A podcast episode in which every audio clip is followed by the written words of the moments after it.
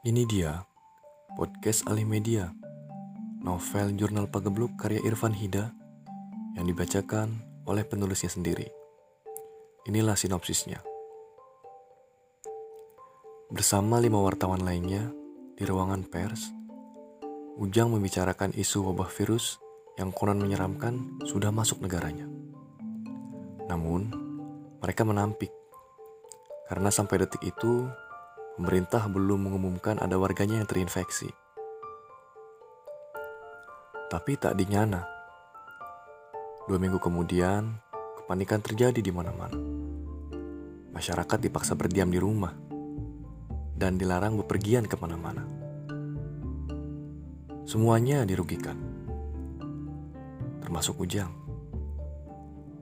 Kesibukannya sebagai wartawan pun harus berhenti dan ia pun menemukan kehidupan barunya. Di tengah ancaman kematian, Ujang malah hidup menjadi manusia seutuhnya.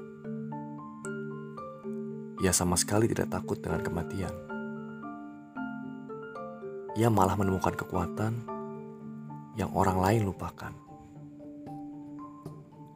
Inilah petualangan Ujang yang menemukan kekuatan di tengah kekacauan.